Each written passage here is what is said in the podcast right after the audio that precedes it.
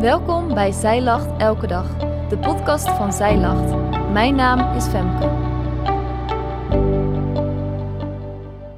Dit is de overdenking van 30 september, geschreven door schrijfster Natanja Koster. Vandaag sluiten we de maand over het evangelie van Marcus af. Maar we sluiten niet af met het einde van een verhaal, maar met het begin van een nieuw verhaal. Jezus is opgestaan en zal zijn aan de rechterhand van God. Maar voordat hij wordt opgenomen in de hemel, geeft hij de mensen nog één belangrijke boodschap. Kan je het je voorstellen? Maria Magdalena, Salome en Maria, de moeder van Jacobus, zijn ontzettend verdrietig.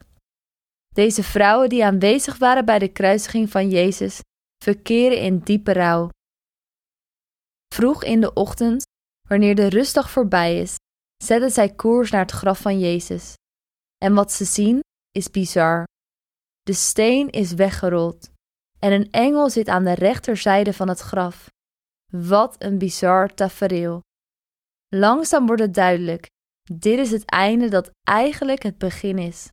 Waar meer dan 30 jaar geleden de geboorte van Jezus werd aangekondigd door een engel, wordt dit keer zijn opstanding aangekondigd.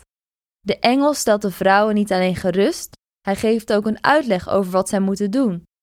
Dit staat in Marcus 16, vers 6 tot 8.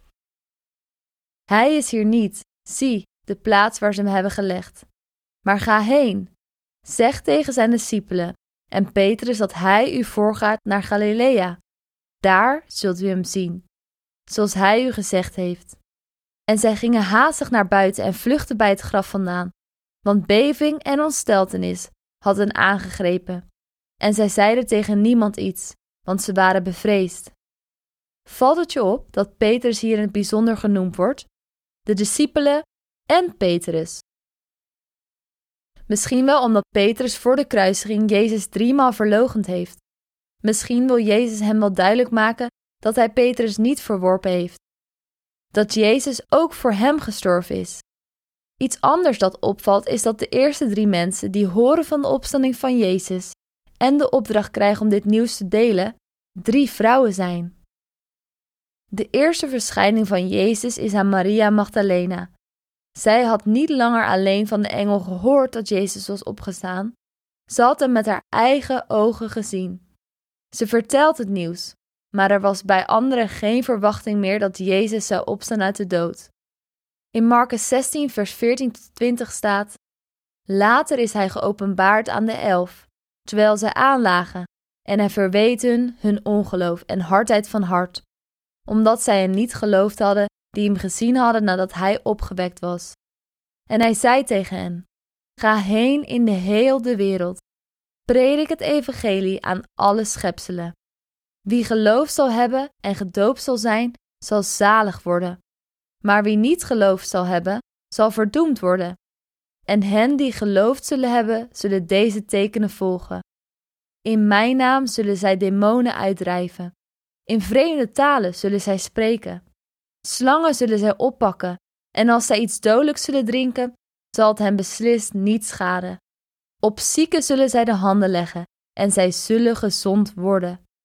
De Heere dan is, nadat hij tot hen gesproken had, opgenomen in de hemel en heeft zich gezet aan de rechterhand van God. Maar zij gingen overal heen om te prediken. En de Heere werkte mee en bevestigde het woord door de tekenen die erop volgden. Amen. De kruisiging van Jezus lijkt het einde van het verhaal. Toch is zijn dood en opstanding eigenlijk het begin. Misschien voelde dit voor de discipelen ook wel zo. Hun leven als volgeling van Jezus leek tot een einde te zijn gekomen met zijn dood. Maar hij stond op en gaf hen een opdracht mee. De dood, de opstanding en de opname van Jezus zijn voor de discipelen dus ook niet het einde van hun verhaal, maar eigenlijk het begin. Ze worden de wereld ingestuurd om het goede nieuws te delen. Ook wij worden de wereld ingestuurd met diezelfde opdracht.